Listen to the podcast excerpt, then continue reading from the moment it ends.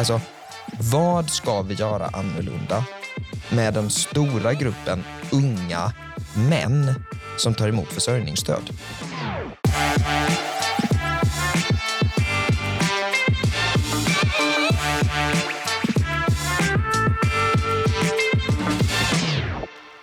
Du lyssnar på Ekonomerna med mig, John Norell och ekonomipampen Jakob Lundberg.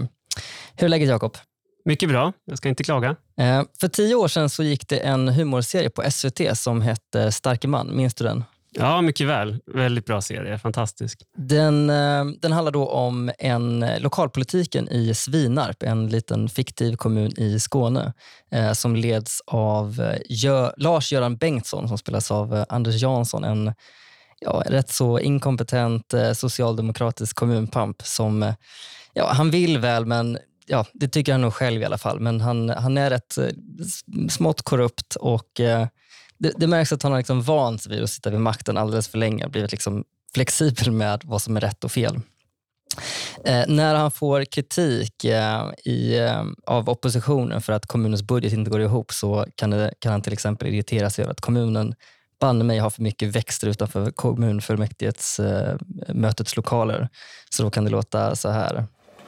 Alltså, fattar inte Lotta. Det är fan mig matematiskt omöjligt att gå med vinst i den här kommunen. Alltså, men Borup går med vinst. Ja, då Rennestig med vinst? Ja. Ah, fan, Mats, vi måste börja tänka lite mer affärsmässigt. Vad hette den? Kommer ihåg, vi hade någon lista som en konsulten tog fram med fastigheter. Säljlistan. Exakt, fram med den. Alltså kommunen blöder ju pengar. Vi måste hitta något... Titt, Vad är detta? Ta dem här. Varför har vi dem? Ja, det är att öka syrenivån. Ja, men det är slut med det nu. Vill folk andas får de fan göra det på fritiden.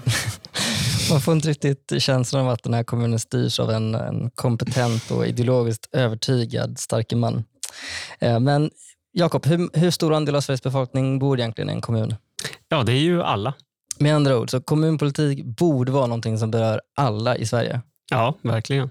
Då är, det ju, då är det ju väldigt bra att vi nu kommer att börja ha några avsnitt om just eh, kommunernas ekonomi. Mm, känns väldigt relevant. Mm. Ehm, för det är ju ändå en stor del av skattepengarna som tas in och spenderas av kommunerna. Så att, eh, i det här första avsnittet så kommer vi prata om socialbidrag, eller som det numera då kallas kanske för eh, försörjningsstöd. Och eh, då har vi en expert med oss, en, en gäst, eh, Oliver Rosengren som är kommunalråd i Växjö och som har jobbat mycket med de här frågorna. Välkommen! Tack så mycket. Jätteroligt att få vara med här. Vår första gäst någonsin i Mm. Ekonomerna. En ännu större ära. Ja. Mm. Kommer du ihåg den här serien Starke man? Ja, ja men det gör jag. Eh, den inspirerade mig inte till kommunpolitiken. Eh, Skönt att höra. Är det en, liksom en korrekt eller liksom rättvisande uppfattning om liksom hur eh, den lokala demokratin går till? Eller vad tycker Alltså, som, som jag minns den... Inte i din eh, kommun, men i andra kommuner kanske? Exakt. Nej, men det är klart att det finns... Eh, eh, det här ska ju liksom porträttera en väldigt liten kommun. Eh, och det finns ju 290 kommuner, några av dem är ju riktigt, riktigt små. Så det är klart att det kan finnas grader av, av, eh, och inslag som stämmer och de som har gjort serien påstår ju att de har baserat delar av det, eller åtminstone den liksom samlade liksom intrycket av serien på information de har samlat in.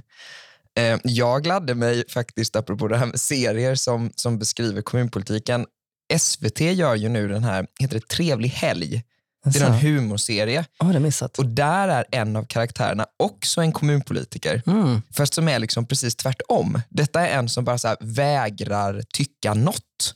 Så inte heller korrupt alla Svinarp, Nej. utan som bara säger ja till allt åt alla hela tiden. Ja, för att den är konflikträdd. Och den finns ju ännu mer. eh, för du är ju ekonom. Du pluggade vid eh, Linnéuniversitetet och Mm. har en master därifrån. Och eh, jag för mig att du skrev din masteruppsats om någonting som berörde socialbidrag. Mm. Jag, har, jag har faktiskt berätta. skrivit all, både min kandidatuppsats, min magisteruppsats och min masteruppsats om försörjningsstöd. Så det är verkligen min... Expert på detta. Men det är verkligen min hjärtefråga. Eh, min, min masteruppsats skrev jag om, om eh, eh, aktivitetskrav kan man säga, eller hur- om man jämför ekonomiska incitament med tidbaserade incitament eller ansträngningsbaserade incitament som att kräva att någon ska göra en ansträngning på heltid. Vad som är då eh, vad som borde kunna vara skillnaden i sysselsättningseffekt av de två redskapen. Då. då. Jobbstimulansen som är ekonomiskt incitament och aktivitetskrav som är ansträngningsincitament. Ja, ja, intressant. Vi, vi kommer säkert komma in på de här eh, metoderna. Men det är ändå skönt att veta att det finns ändå en... en eh, du har läst på om forskningen innan du börjar eh, liksom, tycka någonting i kommunpolitiken med andra ord. Du Mm. har koll på... Jag Mm. försök, försökte det i alla fall. Det var väl ett av skälen också till att jag sökte mig just till ansvaret för de frågorna för att jag även innan jag blev ordförande då i Arbete och välfärd som det heter, Mm. var genuint intresserad av arbetsmarknadspolitik Mm. eh, och försökte liksom läsa på om det och sådär. Så. Om vi, om vi börjar med att bara backa tillbaka lite. Vad, vad är försörjningsstöd? Så försörjningsstöd enligt socialtjänstlagen är ju beskrivet som det yttersta skyddsnätet. Det är det bidrag, eh, eller den ekonomiska ersättning, det ekonomiska stöd du kan söka om du inte har tillgång till någon annan ersättning. Och Det där är en rätt central del av försörjningsstödet också, hur försörjningsstödet funkar. Det som är min upplevelse är det vanligaste missförståndet med försörjningsstöd. Okay. Eh, man börjar med att beräkna en nivå som en människa har rätt till. Det är som en individuell minimilön. Det är liksom, ja. Detta är din medborgarlön eller detta är liksom det du har rätt till baserat på hur många barn du har, hur ni bor, Ja. eh, vad du är i för liksom, situation i livet kan man säga. Man har rätt till en skälig levnadsstandard. Det är precis så det är beskrivet i socialtjänstlagen. Då. Mm. Eh, och sen räknar man bort från den summan alla andra bidrag man får. Barnbidrag, bostadsbidrag, det kan ju vara en a-kassa eller en sjukersättning eller vad det kan tänkas vara. Mm. Eh, och Sen toppar man upp det då så att säga med försörjningsstödet. Så det är ju ganska ovanligt att man har bara försörjningsstöd som inkomst. Eh, och Därför är det också ofta svårt när man ska göra så simuleringar på hur mycket pengar har, får den här personen i försörjningsstöd? Ja, det beror på massa olika saker. Mm. Men en kommun har ju rätt att ställa krav då åtminstone på att man ska söka alla andra bidrag man har rätt till. Så Ah, det okej. kan man liksom ta med. Betyder det att man kan inte då stapla bidrag på bidrag på bidrag eftersom att det räknar av då på för, försörjningsstödet? Det betyder ju att, att man staplar bidrag på bidrag på bidrag Ah, okej. egentligen. för att komma upp till nivån? för att komma upp till den nivån. Men det innebär ju att eh, oavsett vad som händer med bidragen under försörjningsstödet, är du inne i försörjningsstödet så kommer du alltid ha dina 30 000 vad som än händer med dina inkomster under de 30 000. Mm.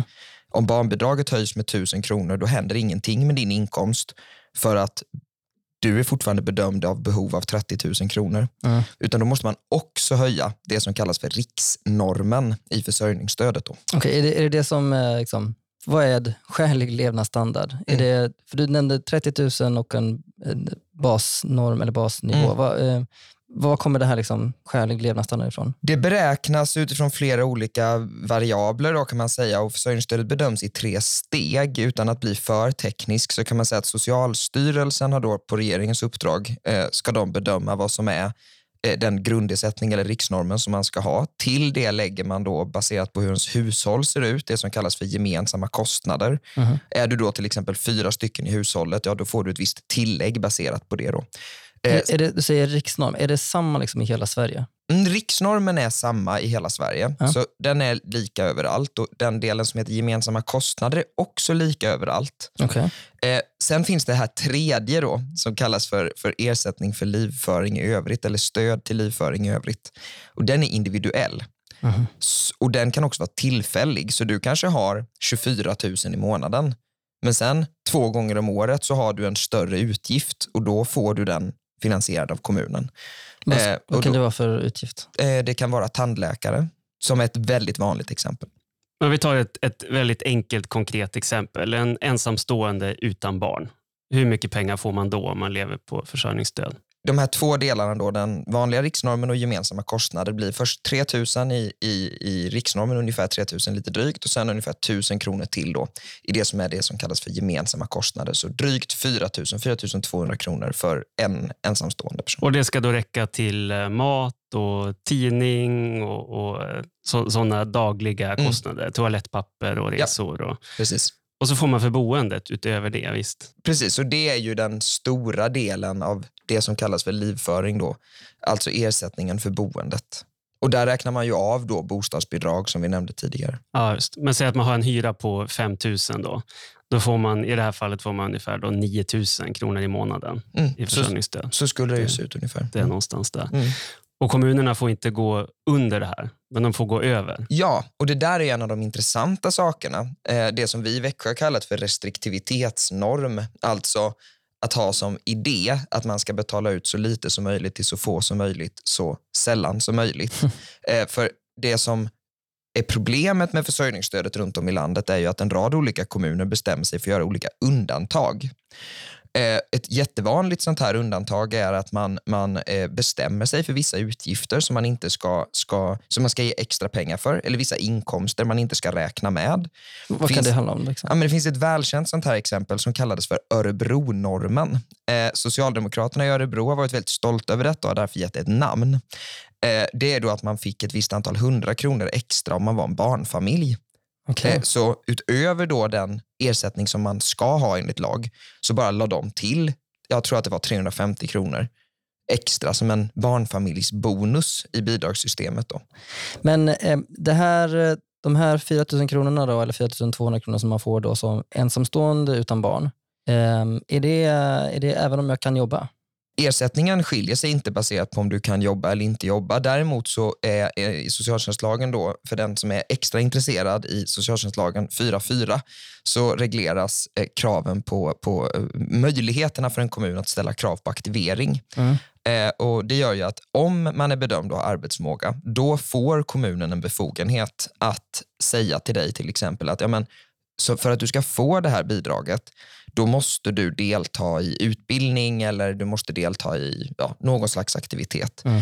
I lag står det kompetenshöjande insatser, vilket är intressant och därför att en kompetenshöjande insats som inte är tillåten att kräva som motprestation är ju reguljär utbildning. Vilket man ju skulle kunna tänka sig är en kompetenshöjande insats. Men man kan inte ställa krav på att man ska delta i exempelvis komvux. Mm. Ja, det får vi hoppas. Vi har ju spelat in ett avsnitt om det tidigare i och för sig, hur mycket det ger med utbildning. Men Mm. eh, det låter ju konstigt att kommunerna inte kan, kan kräva det. Men, men jag måste bara fråga, man kan alltså inte säga att men du har arbetsförmåga, du borde kunna försörja dig själv, du får inget bidrag. Ja, varför, om man har en arbetsförmåga, varför ska man kunna leva på äh, skattepengar från oss andra eller då, de Mm. andra som jobbar? Liksom? Mm. Nej, men grundanslaget i lagstiftningen är ju att du ska ha försörjningsstöd en kort period tills du får ett arbete om du inte kvalificerar dig för nationella ersättningar.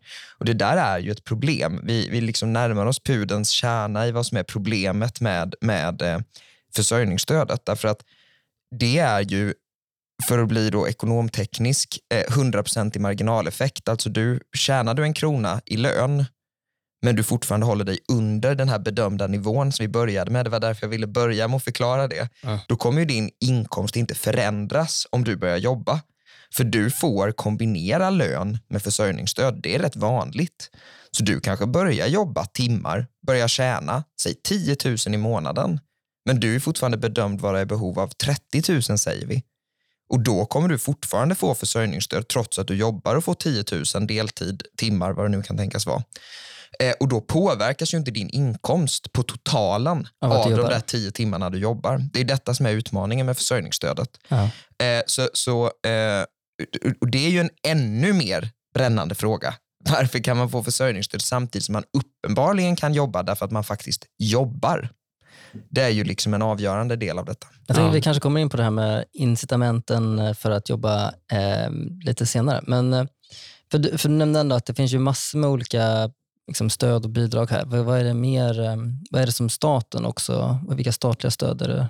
Ja, men vanligast eh, om man tänker att det är en person med någon slags arbetsförmåga så att man är inskriven hos Arbetsförmedlingen.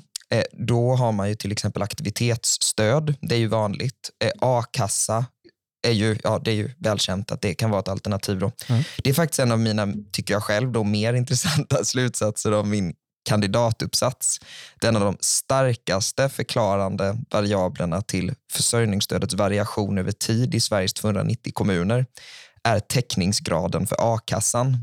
Okej. Eh, vilket ju tydliggör då så att säga försörjningsstödets roll som något slags arbetslöshetsbidrag, vilket ju inte är lagstiftarens intentioner. Det är inte det det är tänkt att vara. Täcknings, berätta, vad, vad betyder det konkret? Alltså hur stor andel av befolkningen som är inskriven i a-kassan. Mm.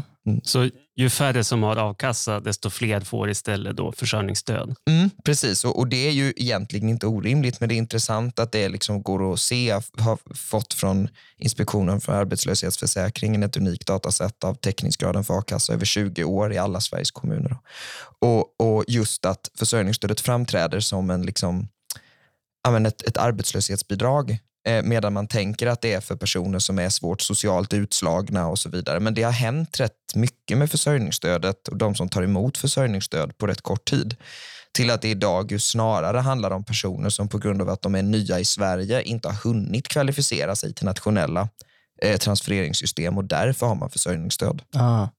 Eh, för att a-kassa, då måste du först ha jobbat i sex månader? Eller hur mycket måste man Ja, precis. Du måste ja. först ha arbetat för att kvalificera dig då till att kunna ta emot a-kassan. Eh, och, eh, ja, för man har ju ändå hört att eh, kommuner är duktiga på att eh, typ anställa personer som annars mm. skulle ha fått försörjningsstöd för att de sen ska kunna eh, kastas ut från försörjningsstödssystemet så att eh, det är någon annan som betalar. Det där är så bra att ta upp nu. Förhoppningsvis andra då, kommunpolitiker som kommer lyssna på detta som håller på med arbetsmarknadspolitik. När jag blev ordförande för Arbete och välfärd eh, så var det en metod som användes i Växjö också. Vi hade ett stort nystartsjobbsprogram. Nystartsjobbet är ju en subventionerad anställning eller en anställningssubvention där man ju eh, också kvalificerar sig för a-kassa. Eh, det gör ju inte till exempel extratjänsterna, vilket man faktiskt ska ge Socialdemokraterna, nuvarande regering, är någonting de har gjort bra. Eh, Moderaterna numera tycker att nystartsjobben inte ska kvalificera till a-kassa längre, vilket ju är rimligt. Mm. Men när vi inrättade nystartsjobben så ingår det då att de kvalificerar för a-kassa. Vi hade flera hundra personer i sådana här nystartsjobb. Så en av de tydliga omläggningarna av arbetsmarknadspolitiken som vi gjorde inom ramen för det vi då kallar för Växjölöftet eh, är ju att skifta från de här liksom subventionerade anställningarna till reguljär utbildning. Så vi dubblerade antalet personer som går komvux och yrkesvux samtidigt med, som vi helt privatiserade vuxenutbildningen och gjorde ett friskolesystem för vuxenutbildningen.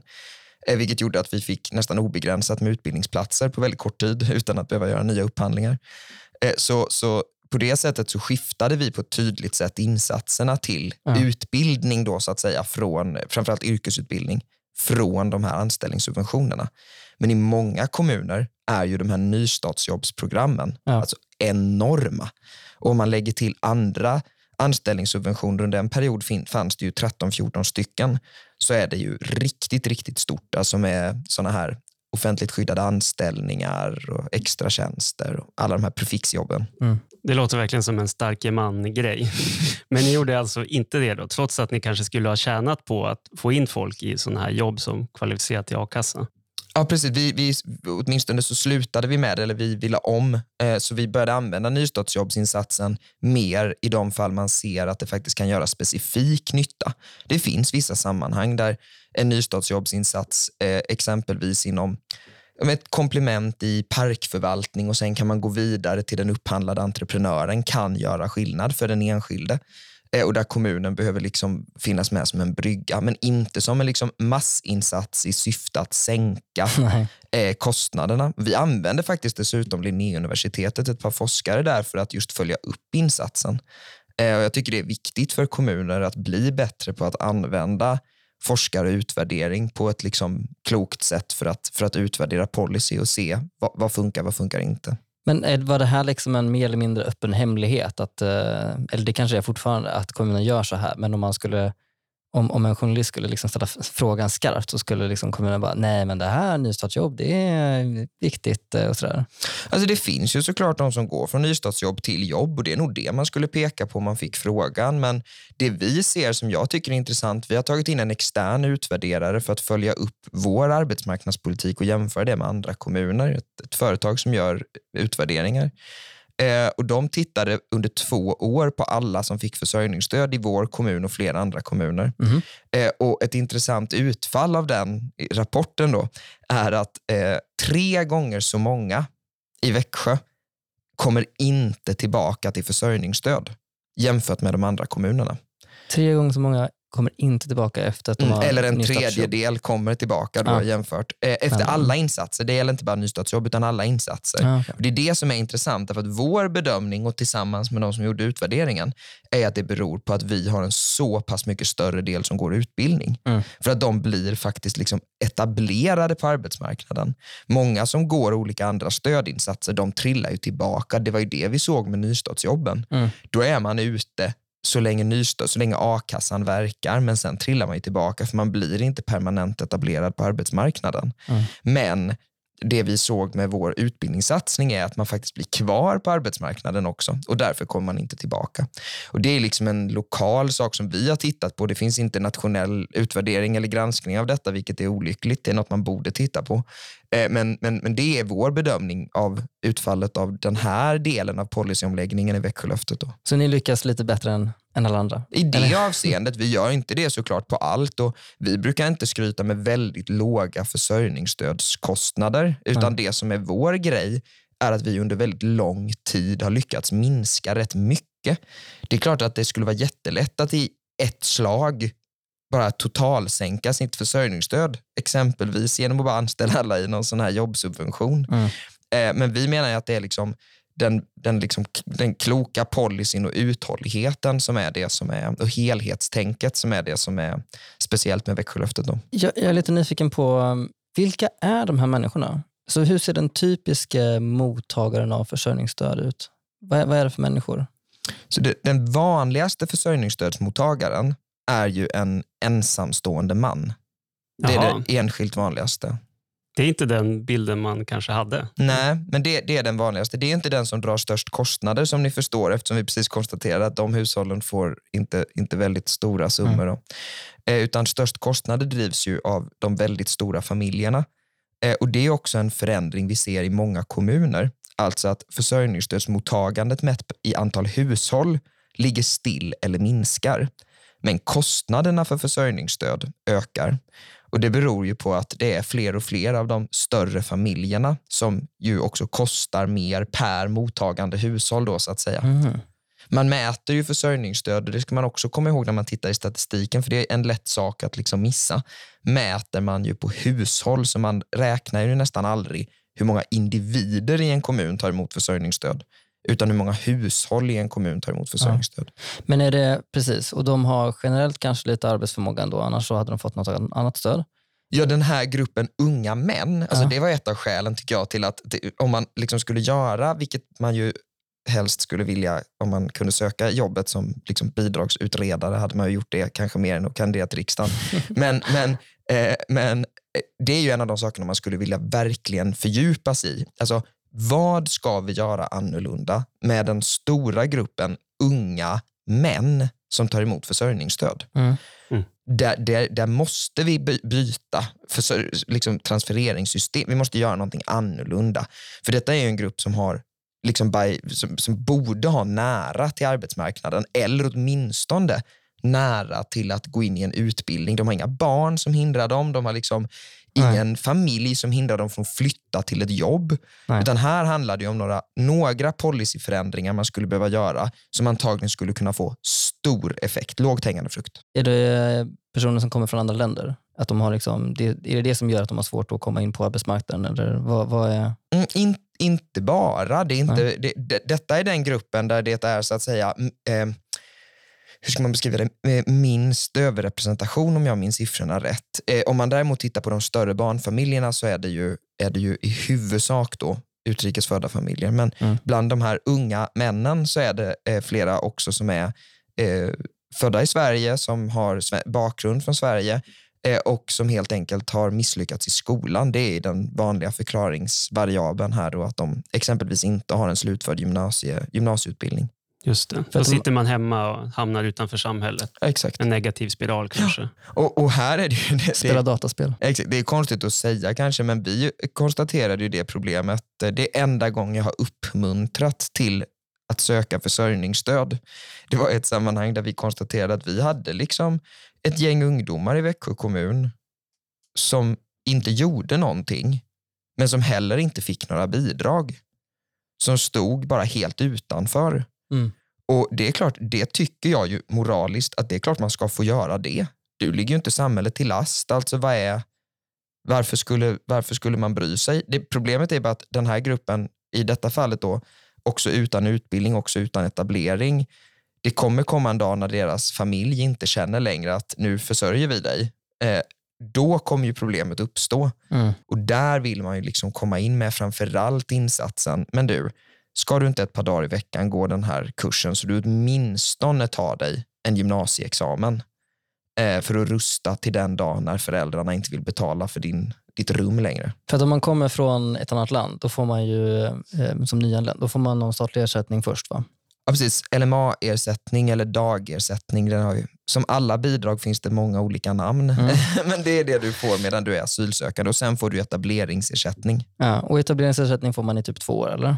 Ja, precis. Så länge du är inskriven i etableringsprogrammet och det är ofta, det är ofta två år. Och sen så blir man kommunens ansvar Mm. att försörja. Kommunens ansvar fasas in skulle man kunna säga eftersom kommunen har bostadsansvaret redan under etableringen. Eh, Så, så, så redan under den tiden du deltar i etableringsprogrammet som är statligt och din ersättning är ett statligt ansvar så är, du ju, eh, är det kommunen som får ansvaret enligt den här då Mm. välkända bosättningslagen för, din, eh, för att du har någonstans att bo. Eh, Om, vi, om vi kollar på Växjö, då, hur, många, hur många är det som bor i Växjö kommun? Knappt 100 000, Och hur- 97. Och hur många av dem är det som får socialbidrag eller försörjningsstöd? Ja, vi har rört oss eh, runt ungefär mellan 900 och 1000 hushåll de senaste två eller tre åren. Det är en ganska, jag vet inte, är det en genomsnittlig kommun eller hur, hur, hur ser det ut nationellt Jakob? Det låter ju som att det ligger under snittet. Eh, Jag kollade på, på den nationella statistiken och där var det, då pratar vi individer, då, men drygt 300 000 personer som får socialbidrag under ett år i Sverige. Så Mm. det är drygt 3 procent av befolkningen. Då. Eh, Men ni i Växjö har lyckats bättre än så. Hur, hur mycket pengar handlar det om? På nationell nivå är det 12 miljarder. 12 miljarder, ja, precis. Ja. Eh, vilket ju, det kanske låter lite, då. man kanske hade trott att det skulle vara mer. Men som du är inne på Oliver, så de flesta som får försörjningsstöd får ju andra bidrag också. Ja. Eh, och att man kanske hoppar mellan då etableringsersättning, försörjningsstöd och så får man aktivitetsstöd från Arbetsförmedlingen. Och, eh, så att det är bara en del av de här, Mm. ett av, av många bidragssystem. Ja, precis. Det är den vanliga, den, den, jag skulle säga den vanligaste situationen om du inte tillhör den här gruppen som vi har varit inne och lagt lite tid här nu på. Den här ensamma mannen som är ung. Eh, de har möjligen då nästan bara försörjningsstöd. Mm. Eh, men är det, de, är det barnfamiljen så har du givetvis inte minst barnbidraget. Eh, men sen också då en rad andra, bostadsbidraget till exempel, som ju är tydligt när det, när det kickar in. Då. Ja, just det. Och då blir det ju mer pengar också. Eh, Jag vet att du gjorde något räkneexempel här. Om man har en, en barnfamilj med två barn och två vuxna, då får man ungefär 15 000 i månaden plus då boendekostnaden. Så säg att man har eh, 10 000 i hyra, då får man 25 000 då, eh, varje månad skattefritt. ja, rätt tidigt kommer du upp i de här nivåerna där om du är en familj med två utan arbete och en skulle börja arbeta så blir det inte ett nettoplus i familjens ekonomi. Det den nivån når man ju ganska tidigt. Eh, alltså redan vid drygt, ja, ungefär två barn om du har en dyrare lägenhet, annars tre barn. Om man börjar jobba så minskar bidraget med lika mycket som lönen. Mm. Så att det, det räknas av då krona för krona och man tjänar ingenting på att jobba helt enkelt. När har du den här bedömningen som vi var inne på i början och du är bedömd att vara i behov av 25 000 och du får en lön som netto är 14, då kommer du fortsätta ha 25 000. Mm. Det är bara det att andelen av de 25 som är bidrag minskar. Ja, just det. Det är ju det som händer och det är det som man ofta missar när man bara pratar om att gå till jobb. Mm. Eh, Det man behöver skifta fokus till är ju någon slags liksom självförsörjningsidé. Då. Man vill ju ut ur försörjningsstödet. Och det är intressant. Alltså, I svensk politik blev ju det här med självförsörjningsmål och sådär en, en fråga för, ja, nu är det säkert fyra, fem år sedan. Eh, Det kom någon rapport från Entreprenörskapsforum om självförsörjning och så vidare. Att sysselsättningsmålet är trubbigt och sådär. Jag kommer ihåg, jag var i en diskussion om det i Almedalen då för, ja det är säkert fem år sedan då, i någon panel. Eh, och, och det var ju min huvudsakliga liksom, slutsats av den diskussionen var ju att jag alltså, kommuner har ju haft detta som sitt huvudsakliga mål för arbetsmarknadspolitiken hur länge som helst. Mm. För det vi mäter är ju inte sysselsättning. Sysselsättningsstatistiken har två års eftersläpning. Vi mäter ju andelen Alltså, vi, vi, vi gör ju något slags negativt mått och antalet som har försörjningsstöd, alltså inte är självförsörjande. Ja. Det är ju vårt mål. Man införde ju, jag vet inte hur många år sedan det var, jobbstimulansen. Liksom, eh, som just för att, som du pratade om, att eh, det ska löna sig mer att, eh, att gå från bidrag till jobb. Mm. Hur funkar det? Korta svaret är dåligt. Ja. Så, så 1 januari 2013 infördes jobbstimulansen i försörjningsstödet av dåvarande alliansregeringen. Alltså det finns en viss internationell litteratur kring den här typen av, av liksom earnings disregards eller liknande då, system som, som bygger på att man ska få att man ska dämpa den här marginaleffekten som finns i de här liksom yttersta skyddsnäten. Och det är inte ovanligt att man tyvärr då har en väldigt hög marginaleffekt i, i de här bidragssystemen som är helt behovsprövade som ju försörjningsstödet i grunden då är, att man gör en individuell behovsbedömning. Okej. Den här jobbstimulansen bygger då på att om du har haft försörjningsstöd i sex månader Mm. så får du behålla 25 procent av inkomsten. Så i normalfallet, nu gäller det att hålla tungan rätt i mun här, Ja. men i normalfallet så tjänar du 100 kronor. Och då blir du av med 100 kronor försörjningsstöd Det räknas av helt och hållet. krona för krona. Mm. Vilket innebär att det du får behålla då, det blir ju lika mycket. Du har din hundring kvar vare sig du jobbar eller inte. Med jobbstimulansen så, får du behåll, så tjänar du 100 kronor och sen så blir du av med 75 kronor. Mm. Vilket ju gör att du får 125 kronor. Och då har du ju faktiskt tjänat åtminstone 25 kronor på att jobba även om din lön då egentligen skulle gett dig 100 kronor. Men avräkningen på, på, på försörjningsstödet är inte 100% som annars. Det funkar alltså ungefär som utfasningen av bostadsbidraget. Men, men okej, så tanken är att det ska löna sig lite mer ändå att, att eh, börja jobba. Eh, det här låter ju ändå bättre än, än, än hur det är då eh, tidigare. Varför fungerar det här inte bra? Mm, det är intressant varför det inte funkar. Och själv skulle jag vilja lägga mycket tid och arbete på att ta reda på det. Eh, för att utifrån liksom ekonomisk teori, och här Jakob får gärna liksom fylla i, men utifrån ekonomisk teori så borde ju det här fungera. Alltså situationen är samma för individen som har varit fem månader och 30 dagar och den som har varit sex månader och en dag. så att säga. Det, det, man, är, man kan tänka sig att man är i ungefär samma situation, men av då de totala försörjningsstödsmottagarna så är det bara 3,2 procent som tar del av jobbstimulansen. Av de som kvalificerar sig i tidkriteriet, alltså att ha haft försörjningsstöd i sex månader, är det bara 1,8 procent. Så det är en Som faktiskt jobbar. Då. som faktiskt precis, får ut pengar i, i jobbstimulansen. Okej. Dessutom så har man ingen ordentlig statistik utan det enda som finns är liksom en, en uppföljning, inte ens en utvärdering, en uppföljning av Socialstyrelsen för att man mäter liksom inte riktigt hur många som jobbar med jobbstimulans. Och det finns massa sådana här problem. IFAU har ju haft ett uppdrag från regeringen att utvärdera jobbstimulansen i typ fem år Ja. men har ju liksom inte kommit fram med någonting därför att det finns knappt någon statistik. Jag har själv varit i kontakt med dem på IFAU som arbetar med detta. Det är Som är ett forskningsinstitut i Ja, Uppsala. Precis, Institutet för arbetsmarknads och utbildningspolitisk utvärdering. Så vi, vi, vi vet inte om det funkar, eller är det så att vi... Det verkar inte som att det Nej, funkar? det verkar inte som att det funkar och Ja. det är dessutom i linje med, med, med, med litteraturen att det inte skulle funka så bra. Men Alltså- varför, var, var, varför då? Jakob, vad säger litteraturen? och då, med litteratur menar jag inte teorin, Nej. utan de utvärderingar som finns av liknande reformer i andra länder. Finland, USA, Storbritannien exempelvis. Men kan det inte vara så att man måste ändå ha levt på socialbidrag i sex månader. Att då är man så långt inne i det här att det är liksom svårt att ta sig ur. Eh, Men det, man, man, man har valt att sätta den tidsgränsen då för att det inte ska bli för lockande att gå in i socialbidrag. så att säga. Det blir en avvägning här mellan inflöde och utflöde. För har man då, har man då börjat få försör, försörjningsstöd det finns ju ingen anledning att, att eh, ta ett jobb de första sex månaderna, så då väntar man väl kanske tills efter det. Liksom. Då får man ta och chilla lite, eller ja, om det nu inte krävs eh, aktivitetskrav då. Ja, Då måste man ändå... Skulle man tänka sig att personer är helt rationella så finns det ju åtminstone inget skäl när man ändå är uppe i typ fem månader Mm. att lämna. Och det är ju en av de intressanta sakerna man skulle vilja studera. Alltså hur många är det som lämnar vid fem månader men som sen lämnar vid sex månader som man då kan bedöma gör så att säga taktiskt avvägande. Det hade varit jätteintressant att titta på.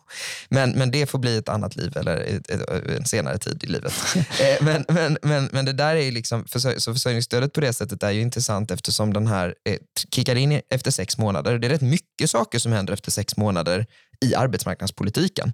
Man tillgängliggörs för en del andra jobbsubventioner. Ah. Eh, på både efterfrågesidan och utbudssidan så, så att säga skjuts incitamenten, eller skjuts eh, liksom de positiva eh, redskapen, verktygen upp.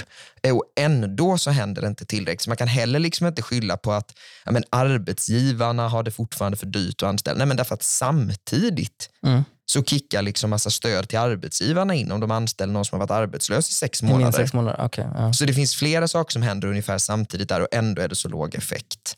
Jakob, du och jag har ju eh, tittat på forskningen om detta och vi skrev en forskningsartikel för ett par år sedan. Ja, precis. Och som Oliver är inne på, rent teoretiskt bör vi ju förvänta oss en, en effekt här. Men det, man skulle kunna spekulera i att men man, man får ju trots allt bara behålla 25 procent av det man har jobbat in. Det är inte tillräckligt mycket. Nej, precis. Alltså man tänker, om, vi, om vi andra skulle drabbas av... Vi, de som inte lever socialbidrag skulle möta en marginalskatt då, som man säger på 75 procent.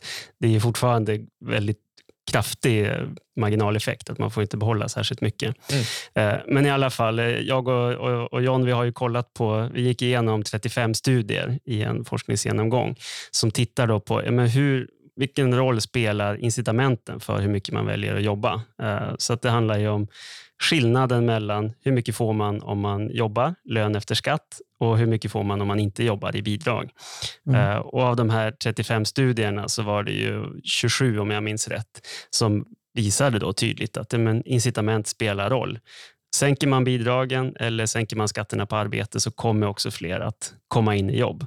Ja. Eh, Så det handlar väl här kanske om att man ska ha bredare insatser, att man generellt sänker skatterna på arbete eh, eller ta ner bidragsnivåerna lite grann kanske eh, för att öka de här eh, drivkrafterna att verkligen jobba. Och det som är extra intressant när man tittar på försörjningsstödet utifrån den sammanställningen som ni gjorde, eller den forskningsöversikten som ni gjorde, är ju att eh, den variabel som jag tror gör att man så att säga missar försörjningsstödet när man tittar på drivkrafter, det är ju tid. Eh, och det är liksom, ska man säga, mer i, i, mittpunkten i, i, i slutsatsen av det som, det som jag har skrivit då kring försörjningsstödet. Därför att den variabel som tillkommer i den här vågskålen då som, som Jakob väl liksom målar upp och, och, och gör tydligt här med den skattade lönen och bidragen.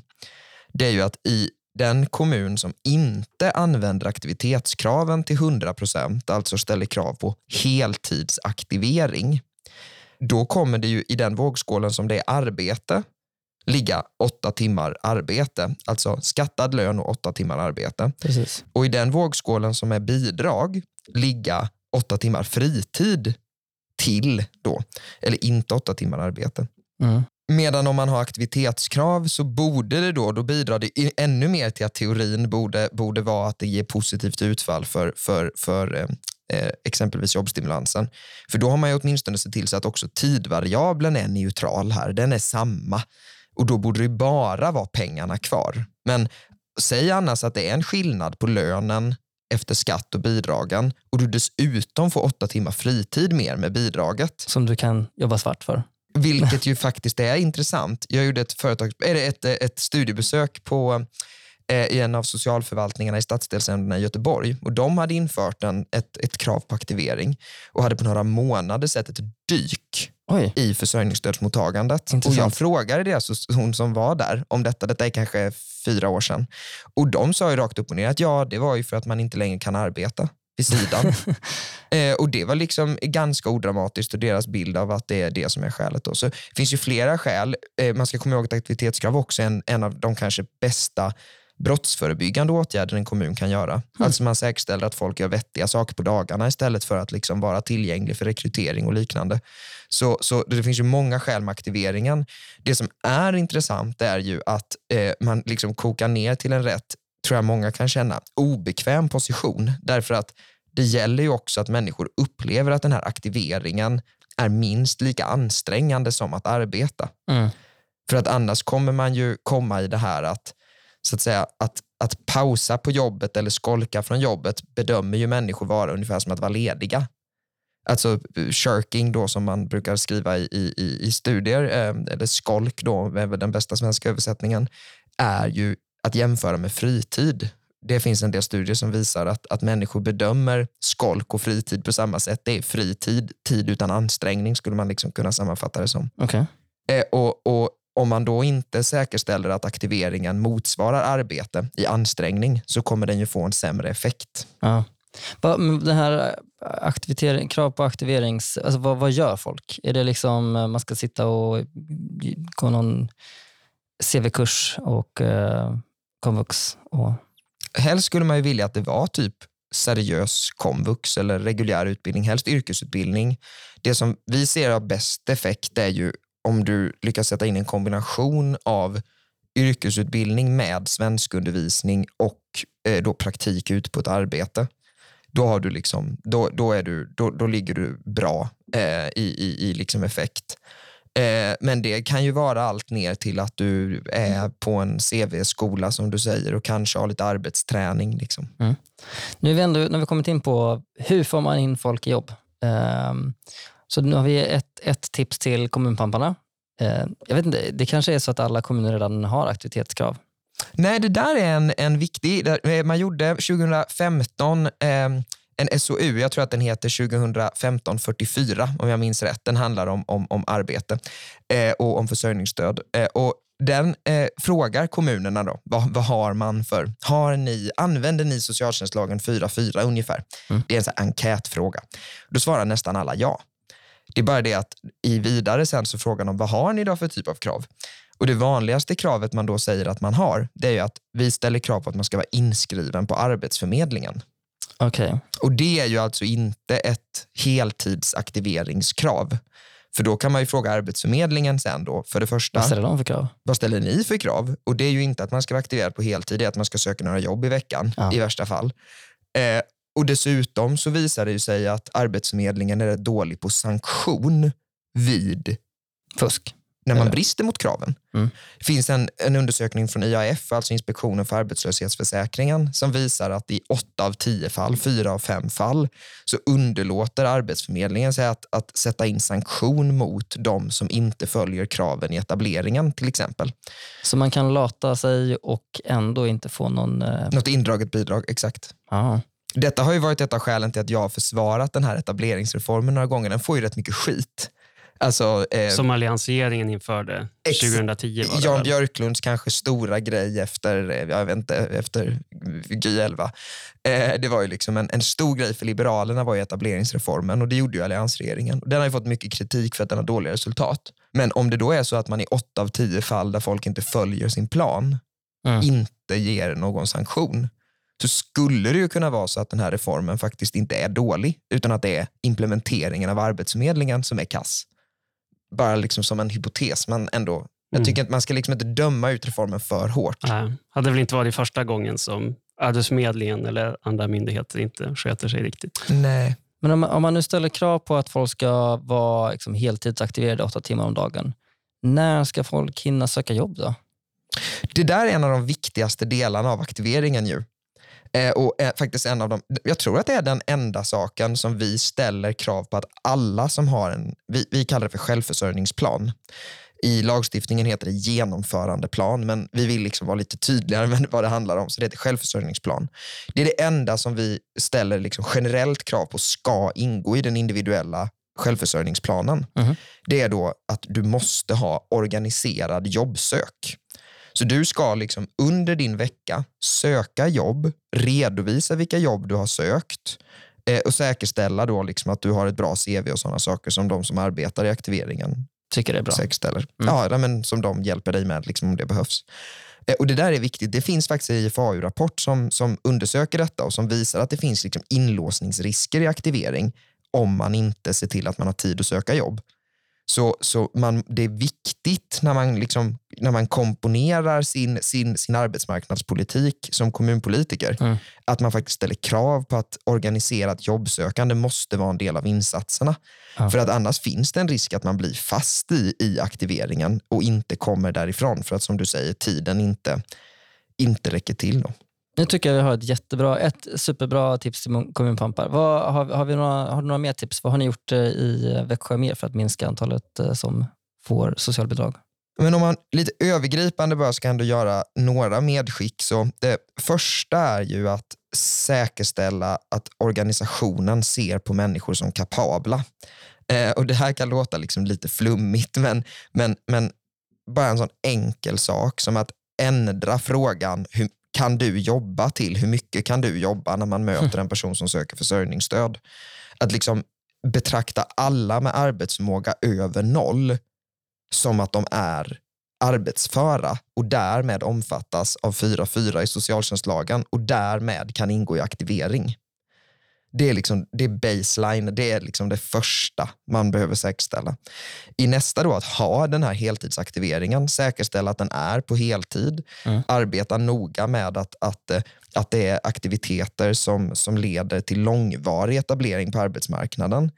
Eh, Det tycker jag, och det, det vet jag är olika, men till och med kan finnas skäl att, så att säga, inte fösa folk så snabbt som möjligt mot ett jobb Eh, om man har chansen att liksom avsluta en utbildningsinsats till exempel. Det är bra att gå in i en utbildning och slutföra den utbildningen, för det kommer bära över tid.